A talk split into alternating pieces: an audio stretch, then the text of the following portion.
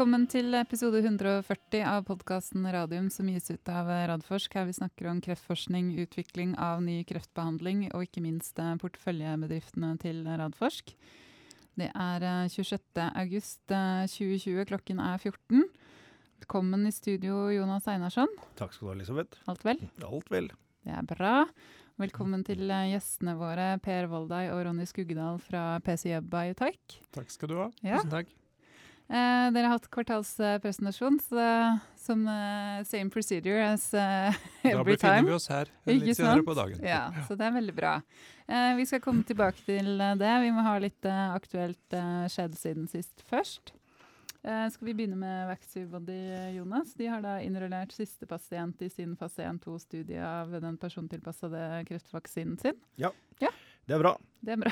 Det er, eh, ja, men det er det. Det er av flere årsaker. Og det er jo at eh, nå kan du begynne å telle litt eh, tid. Ja. For det betyr at nå er det observasjonstid fra den, den dagen eh, på alle pasienter.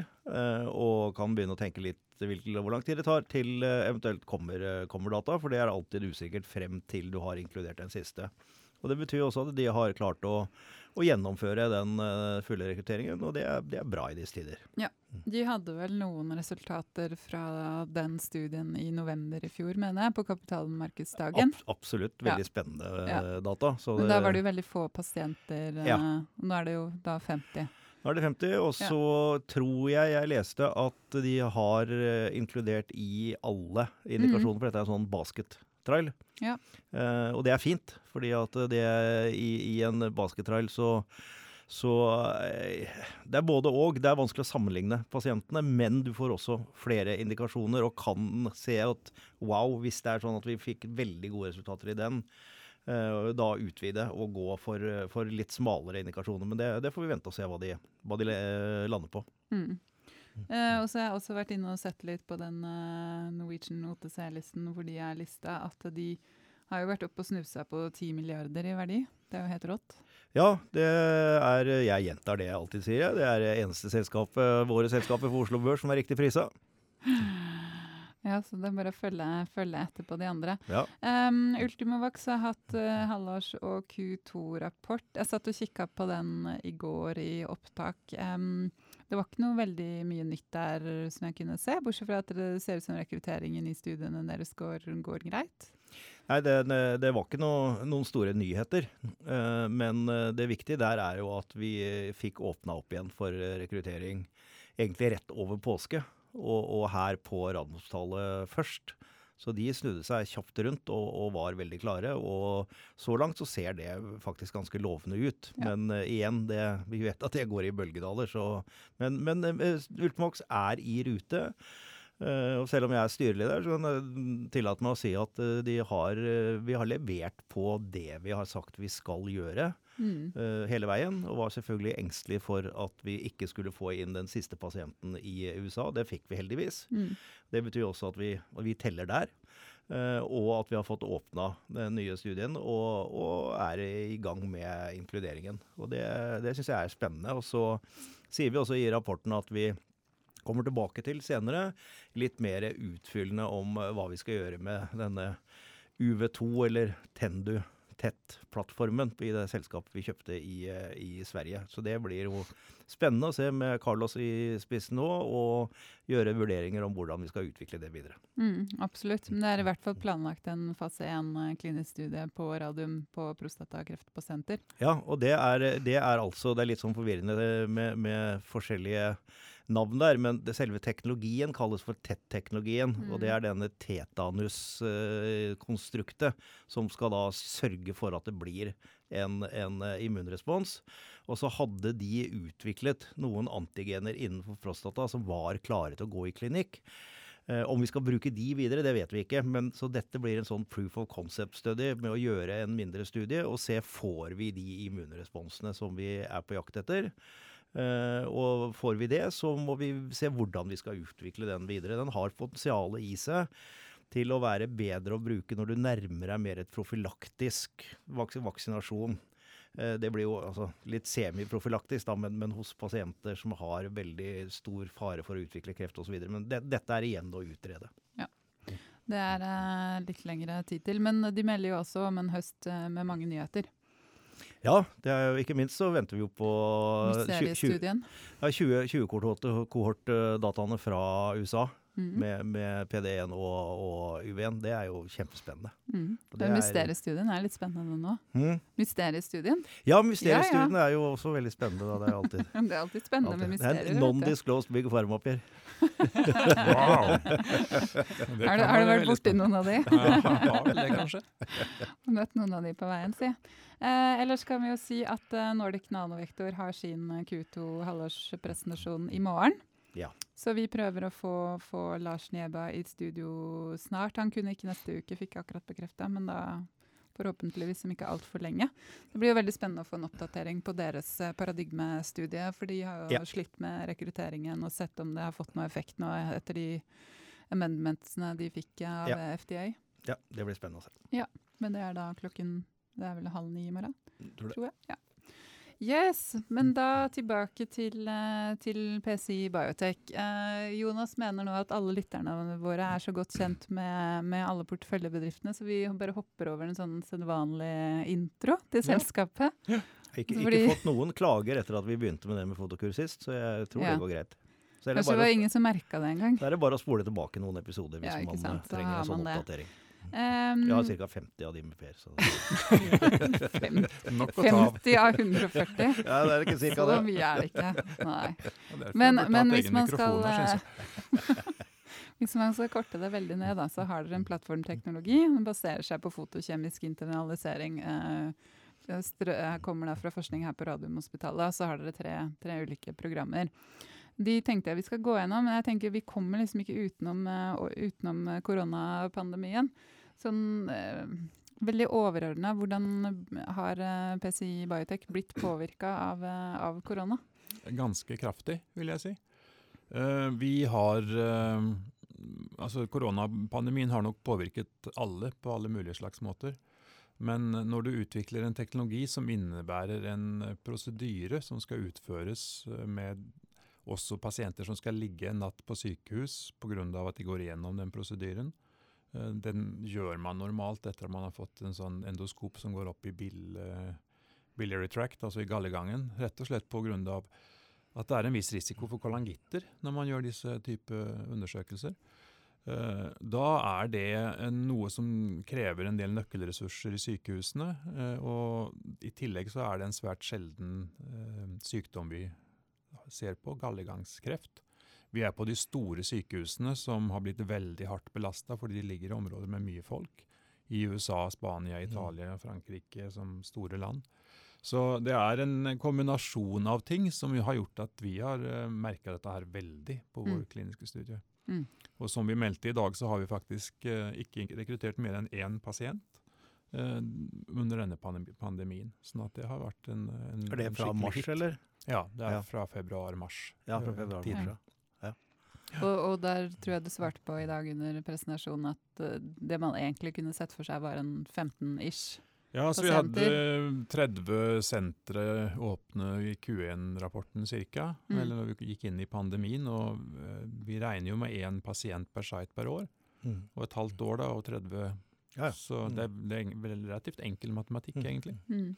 Men uh, her også var det sånn at det stengte ned uh, Ramsdal kjenner jeg best. Stengte jo blankt ned 12. mars. Og så tre dager etter uh, andre påskedag så fikk vi beskjed om at de kunne begynne å, å skrine igjen. Mm. Uh, hvordan er ståa på de største og viktigste sykehusene deres? Altså er, er det noe aktiv screening på gang igjen, eller er det fortsatt sånn at det er eh, på hold på dette? Det er fortsatt sånn at det er lav eh, Vi, har jo, vi ser jo prescreening-logger, så vi kan jo følge med på aktiviteten på sykehusene. Og vi gjør jo det vi kan for å prøve å, å få dem til å, til å skrine. Mm. Men eh, det er relativt lav eh, screening, prisscreening eh, i hele den vestlige verden, Akkurat. faktisk. Men hva da med de sitene som nå er åpnet i i um, Asia, som det heter. I Asia, ja. Det, det lille området det der borte i øst. Eh, nei, altså Vi har jo sites i, i Taiwan og i Sør-Korea. Uh, og De ser ut som de klarer seg bedre og har okay. bedre kontroll. Men nå har jeg også sett at Sør-Korea har fått en kraftig økning nå okay. i, i covid-19. Så jeg vet ikke Mm. om de blir påvirket av det uh, i relasjon til vår studie. Det er litt vanskelig å si. Men der har vi i hvert fall sett at det, de, de har vært eh, aktive fra dag én Mm. eh, med, med å søke etter pasienter. Nei, det er litt tilbake til Jeg prøver å forstå situasjonen eh, fordi jeg kjenner den så godt her, og, og ikke så godt i, i USA. Men jeg tror det er riktig som du sier, at for det, det man gjorde her relativt kjapt, det var Først så ble alle ressurser, og da snakker vi om anestesisykepleiere og intensivsenger og all, alle de forskjellige ressursene, ble jo allokert til å ta seg av covid-19. Mm. Og dermed så stoppet alle rutineting opp. Mm. Og så etablerte de skikkelig sløyf, covid-sløyfer på de sykehusene som skulle behandle, og ikke minst isolerte de sykehusene som ikke skulle behandle covid-pasienter. Sånn at hvis det blusser opp igjen her nå, så tror jeg ikke de vil trekke de ressursene tilbake igjen. og Da har de bygd opp dette på en mye bedre måte. Men har USA klart å gjøre det? Altså, men med tanke på situasjonen der, ser jo ikke noe særlig bra ut. Nei, den ser ikke bra ut i det hele tatt. Og jeg tror ikke de har klart det. Altså, grunnen til at man har klart det ganske godt her, var jo fordi at vi klarte jo faktisk å slå ned pandemien helt Ja. og holdent. Så det satt jo en masse ressurser i en periode å tvinne tomlene og ventet på covid-pasienter. Ja. Eh, mens man i andre land hadde helt overfylte intensivavdelinger Mm. og ikke hadde ressurser til å ta imot alle sammen. Så det har eh, det at man i, i Norge klarte å starte opp ganske fort igjen, skyldtes jo at man var veldig, hadde en veldig effektiv nedslaging, rett og slett. Ja, ja. Mm. Så jeg tror det er stor forskjell altså fra land til land Ja, her. altså sånn konklusjonsmessig så kan man eh, egentlig, tenker jeg, i alle disse selskapene som driver med disse, disse kliniske studiene, se for seg alt fra tre til seks til seks til tolv måneders forsinkelse hvis vi nå ser, tenker og ser at vi får en vaksine på nyåret, og at vi da ikke får disse voldsomme oppblussingene igjen. Og da er det kanskje like greit å bare legge det inn nå og si at det, Mm. det er sånn verden ser ut i dag. Og det, Det er hallo, det vi vi, er, vi er inne i en pandemi. Ja. Det er det vi har gjort. Vi, vi sier at vi vet jo ikke hvordan dette utvikler seg. men Det er, nå går det oppover igjen i Europa. eh, Og, og det kan komme flere bølger. eh, Og hvordan sykehusene vil takle dette her etter hvert, om de blir bedre på det og at det påvirker ting mindre, det, det kan man jo håpe på. Ja. Eh, Samtidig så gjør jo vi en masse aktiviteter for å prøve å påse både at vi, det vi kan påvirke under pandemien, pandemien, og at vi kommer ut av pandemien så optimalt som mulig Mm. med en studie som er eh, lett å rekruttere inn i, Mm. og som eh, har en større kapasitet. Ja. Så det er det vi har fokusert på nå. Skjønner. Det er uh, usikre tider. Det er i hvert fall ikke lett å spå om framtida akkurat sånn som ting er nå. Det forandrer seg jo fra, si, fra time til time. Ja. Mm. Men så tror jeg altså, det er viktig å, å innse at det er veldig forskjellig i, i hvor, hvor man, hvordan man blir påvirket. Altså, Mm. Som studier, studier som går på der pasienter skal ta piller hver tredje dag, eh, og kan gjøre det hjemme og komme inn til sykehuset av og til for noen tester, de blir ikke påvirket i stor grad. Eh, kanskje på en del avlesninger. Mens eh, de som eh, må ha et endoskop og ha en time på endoskopavdelingen, og sykepleiere og leger til stede, Ja. de får en ganske kraftig påvirkning av dette. her. Ja. Og vi er da dessverre i den andre enden som Ja. blir mest påvirket av Ja. denne pandemien. Eh, ja, vi kan jo fortsette egentlig å snakke litt videre om, om, uh, om Fimakjem, altså den store release-studien som som da går nå globalt. Altså, hva er de viktigste høydepunktene? Altså Det viktigste for oss, altså Et av de viktigste høydepunktene var jo at vi dessverre var nødt til å, å melde en forsinkelse. Mm. Eh, Det vi har meldt av hva vi faktisk har fått til, er jo at vi har klart å åpne opp i Asia på veldig, og gjort det veldig raskt. Eh, Fått opp eh, åtte av ni planlagte sentre siden eh, førstekvartalsrapporteringen. Eh, Så der har ikke selve på, åpningen av sentrene påvirket i noen stor grad administrasjonen på sykehusene og de som skal regne ut budsjetter og Mm. forhandle kontrakter og den type ting. Eh, Det har fungert bra, og også opptreningen av personalet og sånn har Mm. gått som, som planlagt, stort sett. Mm. Så det har vært veldig positivt. Vi hadde jo kanskje trodd at vi kom til å få en, en kraftig hit der også, men det har, eh, Ja. det har fungert bra. Ja, men det er jo veldig spennende å følge. Og, og dere har jo sagt dere skal melde First Patient Dose i USA. I USA, og det har vi dessverre ikke fått ennå, og vi er også i Asia. Ja, det, det var spørsmålet mitt. Dere Ja. melder første pasient dose i Asia. Det gjør ja, vi også. Det er spennende å følge med på. Ja, Ja. bra. Det er veldig bra. Hvor mye forsinkelser eh, anslår dere at man kan forvente seg? Det er jo litt som å spå i kaffegrut, men eh, Ja, det blir litt som å spå i kaffegrut, og derfor så har vi satt en range på dette Ja. her. Og sagt at eh, vi, nå har vi hatt seks måneder med nesten ikke noe rekruttering. Vi vet ikke hvordan helt det utvikler seg, men vi gjør det vi kan for å prøve å, å få mest mulig ut av det. Eh, og så satser vi på å ta igjen så mye som mulig gjennom å gjøre amendments nå både på eligibility, så vi åpner opp studien der det er relevant, ut fra det vi har sett på tidligere prescreening-data. Og flere sites og flere land. Vi åpner også opp Ukraina. mm, Uh, og så sier vi at vi har en range på denne forsinkelsen på vi anslår seks til tolv måneder, avhengig av hvordan dette utvikler seg. Mm. Ja. Så får vi heller komme tilbake til, når ting begynner å bli mer klart, hva, hva faktisk tidslinjene blir. Ja, det er vanskelig å vite med tidslinjer sånn som det er eh, nå. Um, vi kan gå er, Har du noe mer eh, som er eh, aktuelt i forhold til release? I forhold til release, Ronny, er det noe mer er det noe jeg har glemt? Noe vi burde si? Nei, vi har jo flere aktiviteter som vi gjør der for å, for Ja, å få opp uh, rekrutteringen. Ja, jeg har ikke Jeg, har- jeg har vel egentlig bare snakket om uh, om uh, at vi forandrer eligibility criteria via et amendment og holder på med den saken.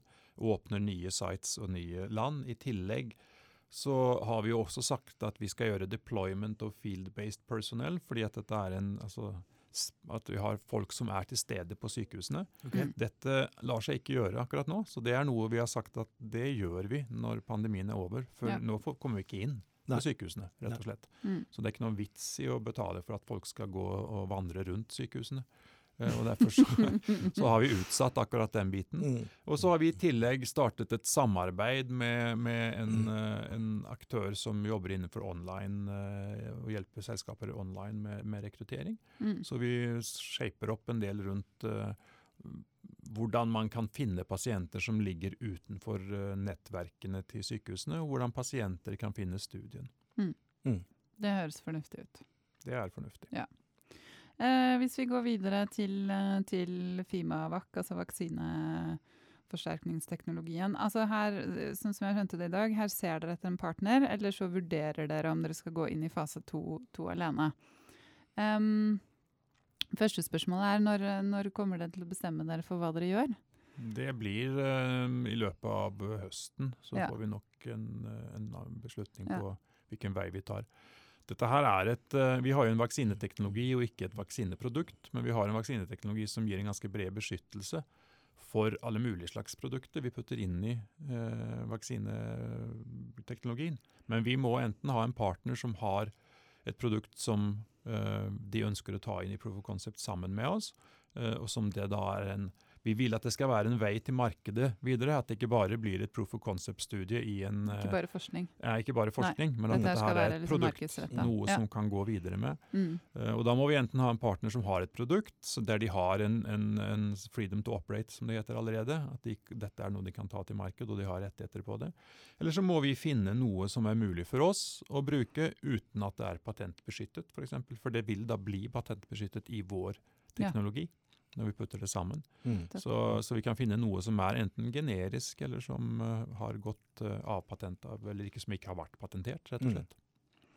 Hvilke sykdommer tenker man for seg da? Altså Kommer dere til å være strenge at vi holder oss innenfor kreftområdet, eller er det åpnere for å liksom Vi ser opp. først og fremst innenfor kreftområdet. Ellers så åpner du opp en stor uh, eske, som er uh, veldig Det er veldig mange ting å ta tak i. Er det mer enn kreft her i verden? Det er faktisk det, selv om man kanskje ikke skulle tro det her i Oslo Cancer Cluster.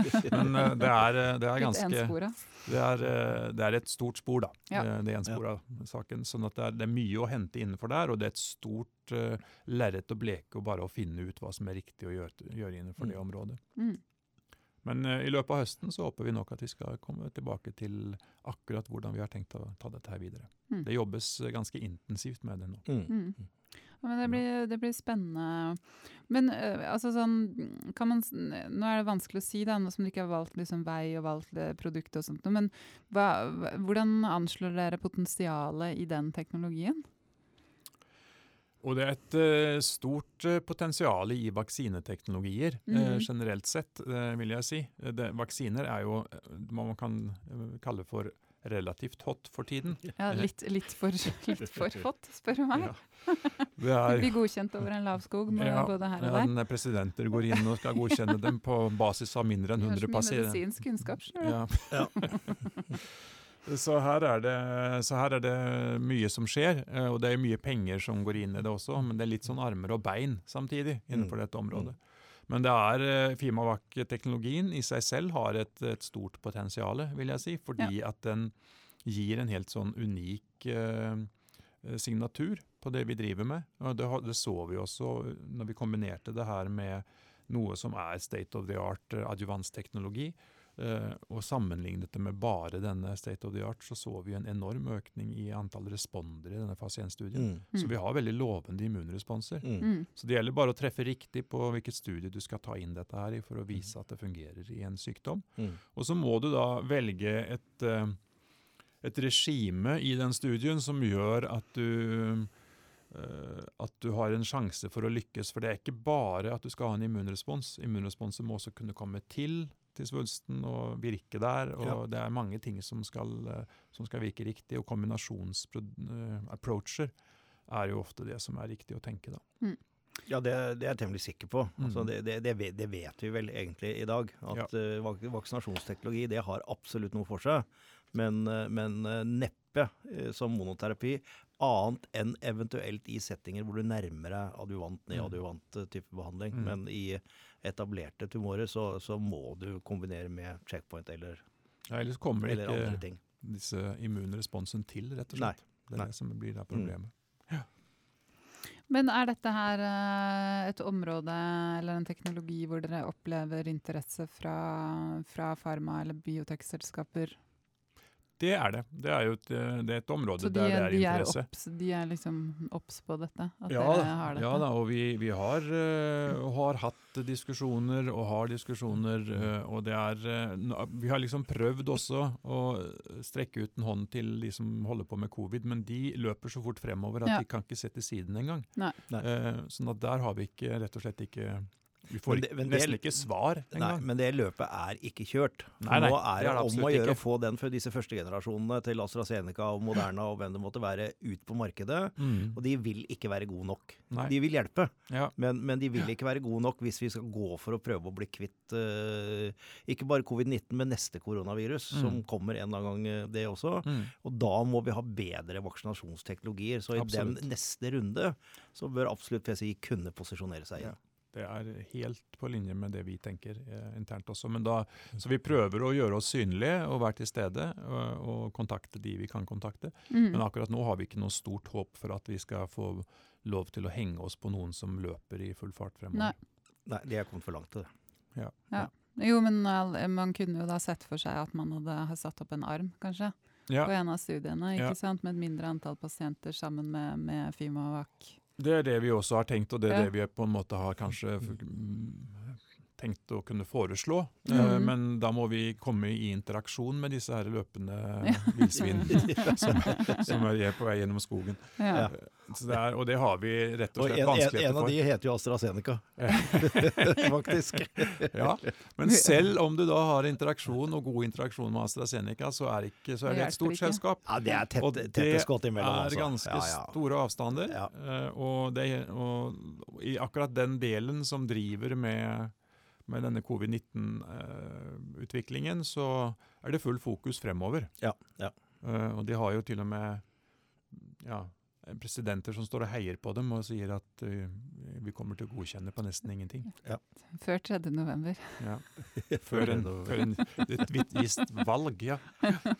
Ja, det valget der det kommer til å bli en farse uansett, så det er dessverre. Hvis ikke, ja, nå skal det, ikke skal det gå med post, og ikke kan du møte opp, altså, hvordan skal de stemme da? Det, Nei, de skal helst ikke stemme. Bare forlenge hans periode. Det er ja, det han ja, ja, ønsker. ja, så det blir jo artig. Eh, ja, men det, det, er gøy, for da, da, kommer det til å skje mye med Fimavac framover. ja da. Ja. Det, det, det, er morsomt. Det eh, hvis vi da snakker om Fima NAC, som kanskje har vært det dere har fått mest spørsmål om eh, resten av året. Det var jo så mye spenning uh, rundt uh, 1. juli her. altså Jeg turte nesten ikke å åpne min egen e-post. og uansett hva jeg skrev der, så tenkte jeg at dette kommer til å tolkes i alle retninger det ikke skal tolkes uh, i, for jeg visste jo ingenting og vet fremdeles ingenting. Men, men, det er jo denne potensielle avtalen med, med, AstraZeneca hvor dere sendte ut en pressemelding uh, like etter 1.7 om at det har da blitt forlenget et, et halvår til. Uh, kan ikke du, du som var litt inne på det i dag i, i um, presentasjonen etter et lytterspørsmål. Men kan du ikke si litt mer om hva er det som har skjedd her i kulissene, som du kan si? Ja, det kan jeg. Jeg kan prøve å si litt kan mer. Si. Jeg kan si litt mer. ikke si det du ikke kan si. Nei da. Uh, altså det, det, som skjedde, var jo for å ta et par skritt tilbake, så det som skjedde var jo at uh, vi har hatt et, uh, et samarbeid med et undisclosed pharma på en, over en lang tid, som så viste seg å, å være AstraZeneca. Mm. og vi har fått lov til å gå ut og fortelle at vi har gode resultater innenfor onkologi, og at de vil teste dette her innenfor andre sykdomsområder. Og da utvida vi den avtalen vi hadde i fjor høst, sånn at de også kunne gjøre noen flere studier uh, innenfor dette, innenfor, med vår teknologi og deres teknologi i kombinasjon. Uh, og det ble gjort i, før Den eksperimentelle perioden for dette her, den var da sluttet da i fjor, eh, 31.12. Og så eh, var det en haug med prøver som skulle analyseres etter dette.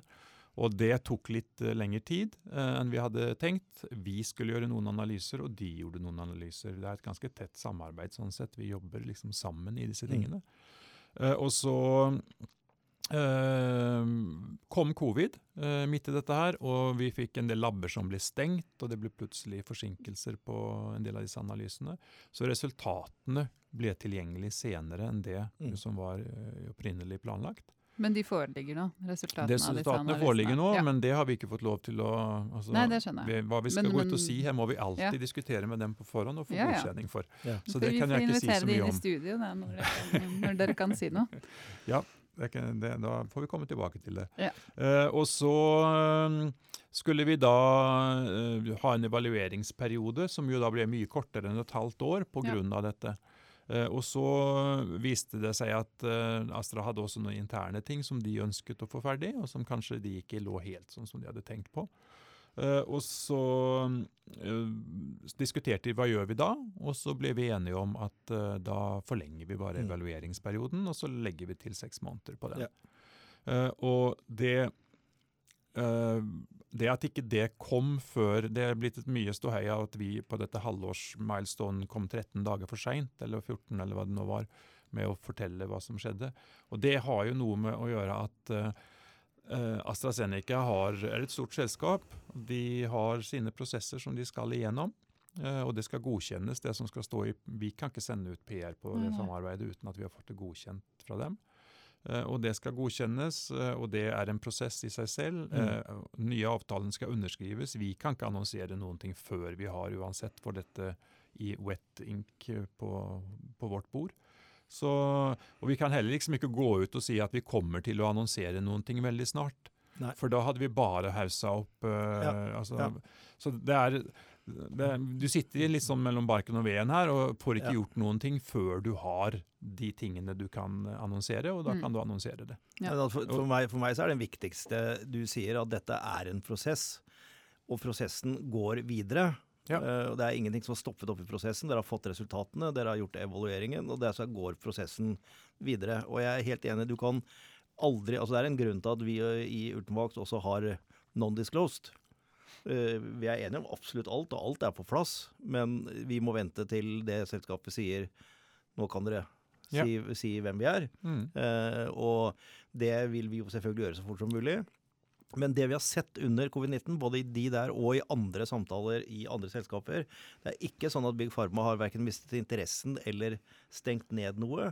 Men responstiden fra de er blitt så mye lenger. Når du mm. jobber med et uh, kontraktutkast, og sender over din markup, så ville det vanligvis tatt en uke og noen, noen, et møte eller to for å få tilbakemeldingen. Nå tar det ofte en måned. Ja. Så selve prosessene En i, sånn i, i dette har, har fått en lag eh, Mm. i det. Mm. Og, og da går det ikke annet å si når det kommer. Så det får liksom måtte bare vi som investorer leve med, at det, det, det kommer når det kommer. Men det viktigste for meg er å høre at du er confident på at dere er inne i en prosess. Ja, ja. Ja. Prosessen er ikke over på noen som helst måte. Eh, den er forlenget med Ja. seks måneder. Ja. Det har tatt lengre tid, eh, og det har blitt en del fors forsinkelser på å få resultater på plass. Og så tar det tatt lengre tid enn vi hadde Ja. trodd. Ja, men det blir spennende å følge med på. Um, hvis vi ser på andre ting som kommer, hva, hva er den mest spennende milepælene framover? Altså Det er jo de som vi har vært innom. da, at Mm. uh, Det mest spennende for oss er jo å prøve å få denne release-studien til å fungere igjen eh, i pandemien. Og, og, og jobber med å virkelig sortere ut uh, det, sånn at vi åpner opp mest mulig.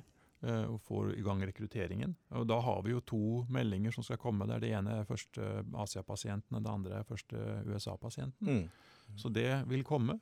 Eh, og så eh, har vi ikke guida noe på, på verken Fimanak eller Fimabak når det gjelder samarbeider og sånne ting, men vi vet jo at dette AstraZeneca-samarbeidet innenfor NAC, det, det varer jo nå til slutten av året. Ja. Så nå er det vel eh, en ny tidslinje da, og en ny dato å forholde seg til. uh, og det er veldig vanskelig Du for oss. Du liker de, eller? Jeg vet ikke om jeg liker de så godt, men jeg, jeg, skal vel, jeg har vel lært at man skal være veldig forsiktig med å, å sier will, og man skal si may, og are expected og sånne ting. Ja. Most soon. Mest kjente sitatet. Men du, eh, Fima Nakk, dere sa noe i dag også om litt sånn det jeg kaller for en litt sånn opprydningsaksjon. Ja, I, kan du si litt om det? ja, det kan jeg. Uh, vi har jo hatt flere samarbeider som har gått over lang tid. Uh, og de går i litt forskjellige faser, og det skifter uh, interesse, og strategien forandrer seg hos selskaper, og strategien forandrer seg litt hos oss. Og vi har hatt en, en evaluering av flere av disse samarbeidene over tid. Nå, og så har vi fått en ny CBO på plass, Ja. Ludvig Robert, som også har akselerert eh, denne, dette assessmentet. Eh, og så bestemte vi oss nå for at eh, tre av disse her syns vi, ut fra den evalueringen vi gjorde av alle sammen, at de kan vi si at nå, er de stengt, nå er ikke Mm. det noe som vi driver med lenger. Og det var da BioNTech som, og FIO, som vi har hatt i veldig lang tid. Og så var det Bavarian Nordic. Det var de tre selskapene som vi da har, har lukket igjen. Ja. Uh, det er ikke noe dramatikk i det. Eh, og det er ikke noen sånn eh, Det er bare en litt eh, housekeeping, Ja, kan man vel si. Og som en liten organisasjon så tar alle disse samarbeidene en, en del ressurser. Og det gjelder da å ikke spre seg altfor mye, og fokusere på de der du føler at for det første gir det mest verdi til selskapet, for det andre så er det en best samarbeidsklima og, og en pull fra den andre partneren også. Ja. Uh, og så er det uh, sånn at vi jo fremdeles går rundt og diskuterer med mange. Vi har mange spennende diskusjoner på gang. Vi Mm. fortalte jo også om et nytt samarbeid med, med et israelsk selskap som heter Aposense. eh, Som, som er et veldig for så vidt spennende selskap og har en, en spennende teknologi. Og som har veldig lyst til å prøve vår teknologi i i kombinasjon med sin. Så, Så- der, der skal dere fortsette samarbeidet? Der skal vi nå sette i gang et samarbeid. Sette i gang et samarbeid, ja. Med- med. Nettopp. nettopp. Så det er en ny, eh, en ny samarbeidspartner. Akkurat. Og de andre eh, samarbeidene går som, eh, som planlagt videre. Og vi er i diskusjoner med, med andre potensielle partnere også. Ja. Det er, sånn, det er sånn det er å utvikle plattformteknologi. Ja, det, det kan man si. Faktisk ikke produkt, men plattformteknologi. Det er litt sånn prøve seg fram, prøve å feile litt, Ja. eh, se hva som er eh, verdt å Hvor, satse på. ja, hvor treffer du synergiene, Ja. og hvor har du mest eh, verdidrivere som, som Ja. hjelper deg? Men vi kan vel også si, Per, at de tre selskapene er spennende selskap, og vi har lært mye av disse samarbeidene. Det har vi absolutt. Vi har fått mye ut av det, så det er ikke, vært, det er ikke på noen måte bortkasta. Det er et veldig godt poeng, Ronny. Det er ikke på noen måte bortkasta. Vi har fått både hjelp til å få mer patentbeskyttelse på plass innenfor spennende områder, og vi har fått nye ideer og mye god data og know-how. Så det er eh, absolutt ikke Nei, det er forskning. Nei, det er forskning. Dette er forskning, og vi, vi, når jeg driver med plattformteknologi, så kan du ikke slutte å forske. Nei. Det er, eh, må utvikle litt òg, da, men, eh, men ikke, ikke glem å forske.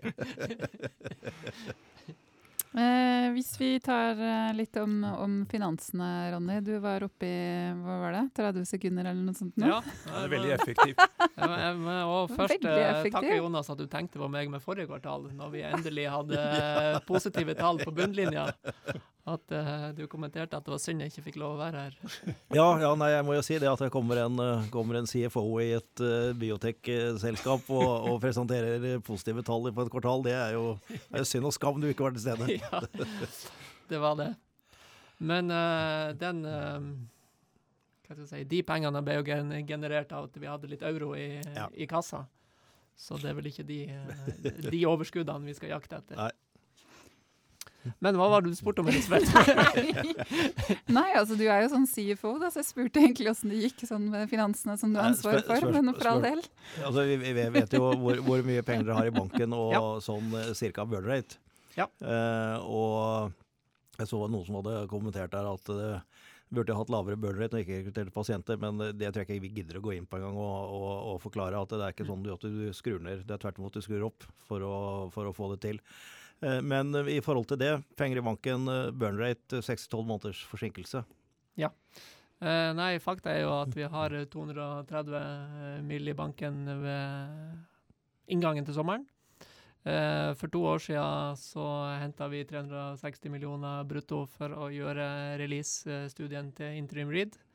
Litt over to år siden allerede. Det har skjedd en del ting. Det har kommet covid og den biten.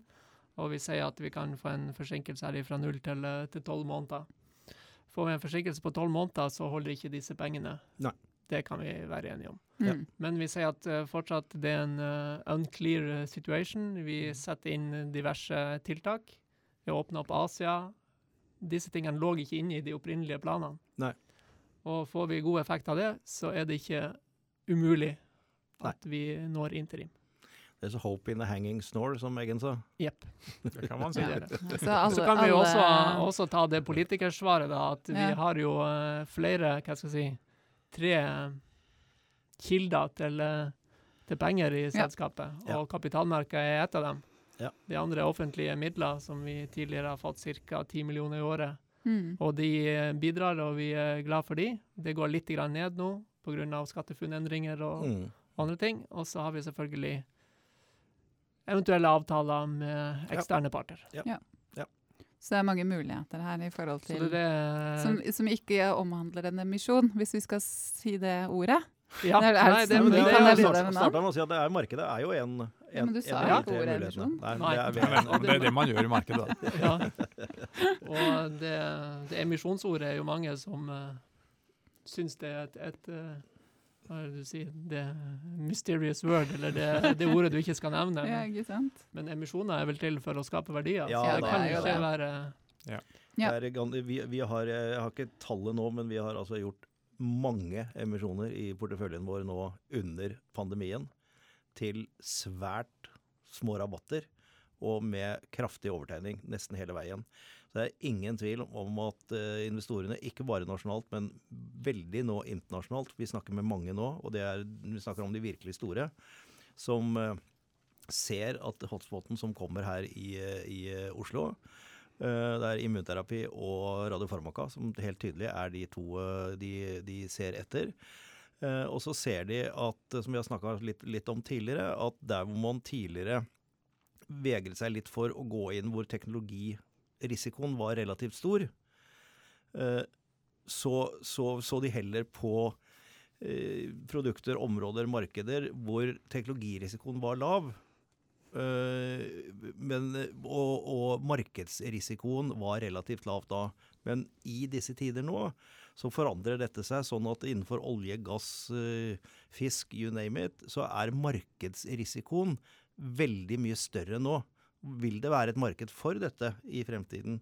Mens i vår sektor så er det jo at hvis vi først overvinner teknologirisikoen, så er jo markedsrisikoen svært lav.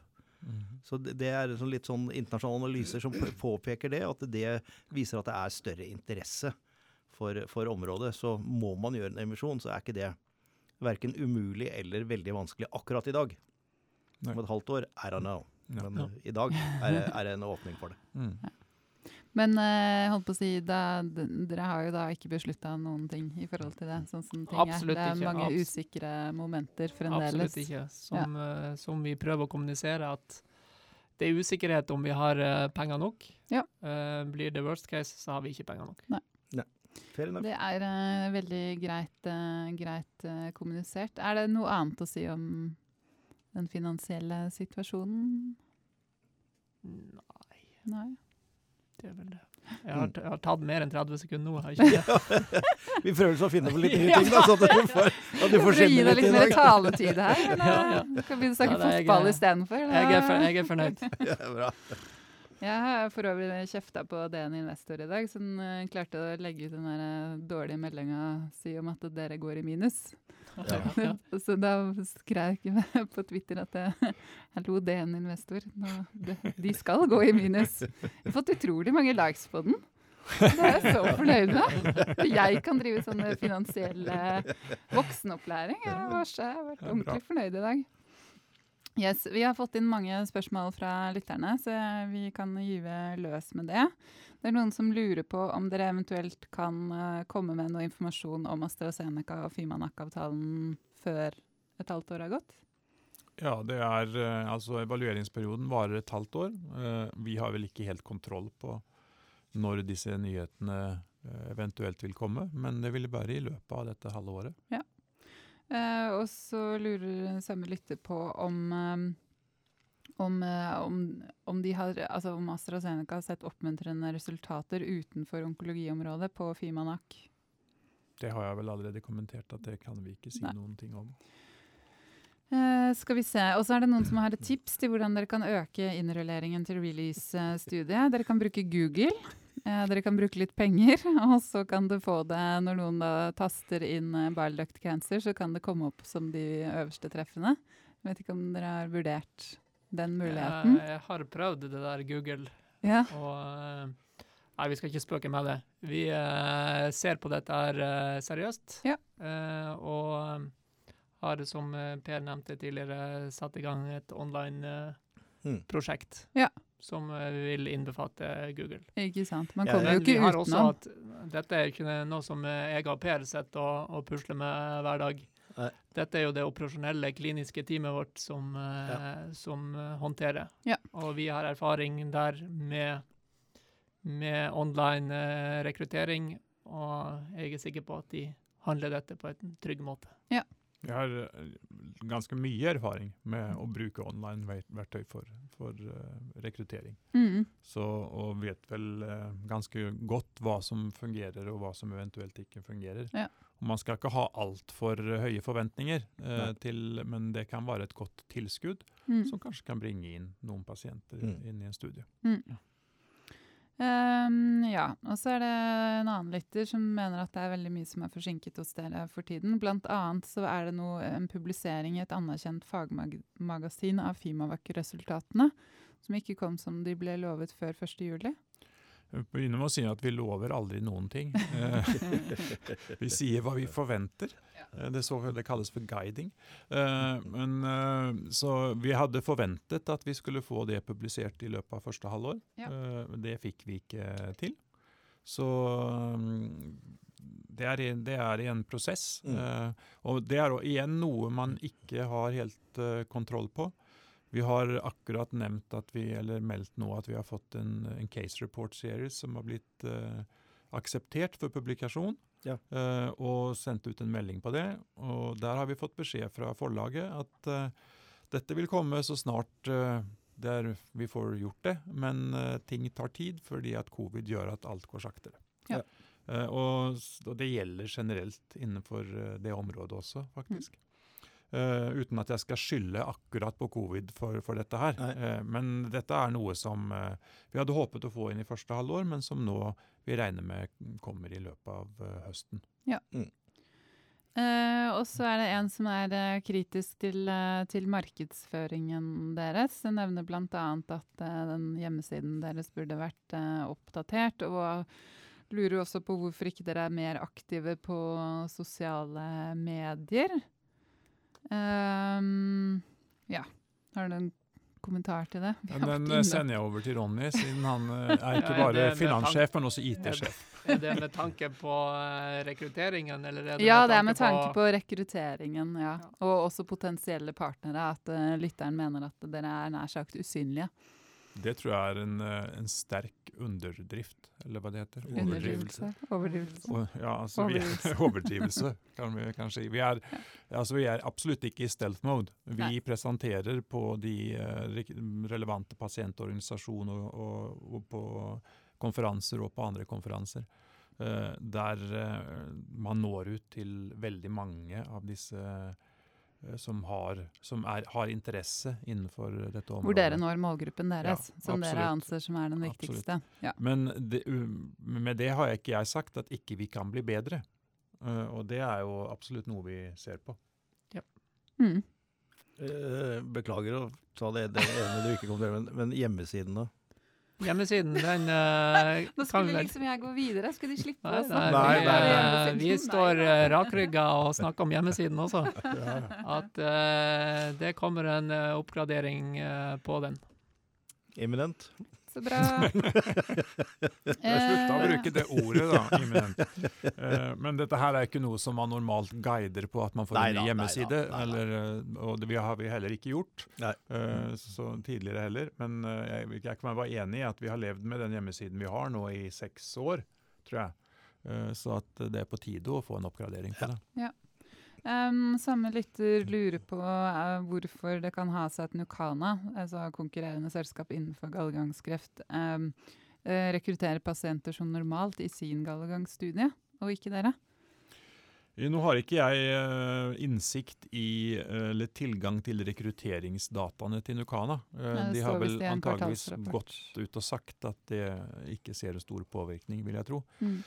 Men det har nok rett og slett med å gjøre at det er en helt annen teknologi. Ja. Som ikke krever eh, endoskopi, Innleggelse. innleggelse, sykehusressurser på samme måte som, som vår teknologi gjør. Ja, men det det er nok det er, enkle svaret på det. det, er- det er faktisk litt sånn to streker under svaret på det, som du sier, hvorfor covid-19 har uh, gått mest på eh, Utover de selskapene som har sånn prosedyrer inne i, i tillegg til, eh, til Mm. eh, vanlig behandling. Mm. Eh, Så det er vel egentlig bare en bekreftelse på det. Mm. Og så er det en som ser litt fram i tiden, eventuelt når dere har godkjennelse hos FDA og EMEA. Hva da med regulatorisk godkjennelse i Japan? Ja. Må man gjøre egne kliniske studier der med, med japanere, eller? ja. Ja. Ja. Korte svaret er ja. Det må man. er Japanere er, ikke som andre. Eh, der må man gjøre egne studier. Eh, det er eh, altså Cosacio, som det heter, altså, eller PMDA, som det også kalles. eh, FDA, for å kalle det japanske Ja. FDA, for å si det enkelt. Eh, de eh, har alltid legget bak eh, når det gjelder godkjenning av globale legemidler. Eh, normalt sett så var vel nesten halvparten av japanske legemidler starta fase 1 omtrent ja, eller ca. samtidig som det ble sendt inn files i, til FDA i USA osv. Så videre, sånn at de ligger, har alltid ligget langt bak. De prøver å gjøre noe med dette her nå, sånn at det, det skjer en del ting innenfor eh, Japan på den siden. Uh, og blant annet så er det muligheter om å eh, gå inn i sånne gjennom å gjøre små safety-kohorter i, i Japan, i japanere, og så inkludere japanere også inn i den globale studien. Men Mm. du får ikke en sånn fase 3-studie som du kjører globalt. At du, sånn som vi nå har gjort, å åpne sites i Sør-Korea og Taiwan, det kan du ikke gjøre i Japan. Nei. Da må du først diskutere og forhandle med myndighetene på japansk eh, i, i det vide og det brede, og så må du gjøre noe safety. Ja. Eh, Du kan kanskje være heldig og slippe å gjøre veldig mye safety, at det er en liten fase 1-studie. Og hvis den ser grei ut, da kan du begynne å åpne kliniske sentre også i Japan. Så det er et litt lengre eh, lerret å bleke. Mm. Er det aktuelt for dere, eller?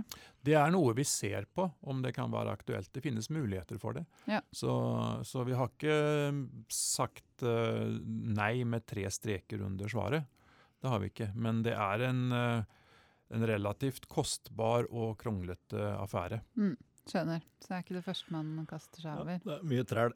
Nei, men det, det er vel egentlig sånn konklusjonen til eh, alle selskapene. At de, Japan er selvfølgelig interessant, øh, men øh, når ting er såpass uavklart som det er nå, som du sier også, alle dokumentene må oversettes til japansk. Og, og det, det, er mye træl for et Ja. lite selskap å holde på med. Men hvis de liksom sånn get their act together og, og kommer og sier at nå, nå, nå må vi faktisk være med, vi også, og, og legge forholdet til rette, så er det så klart et interessant marked.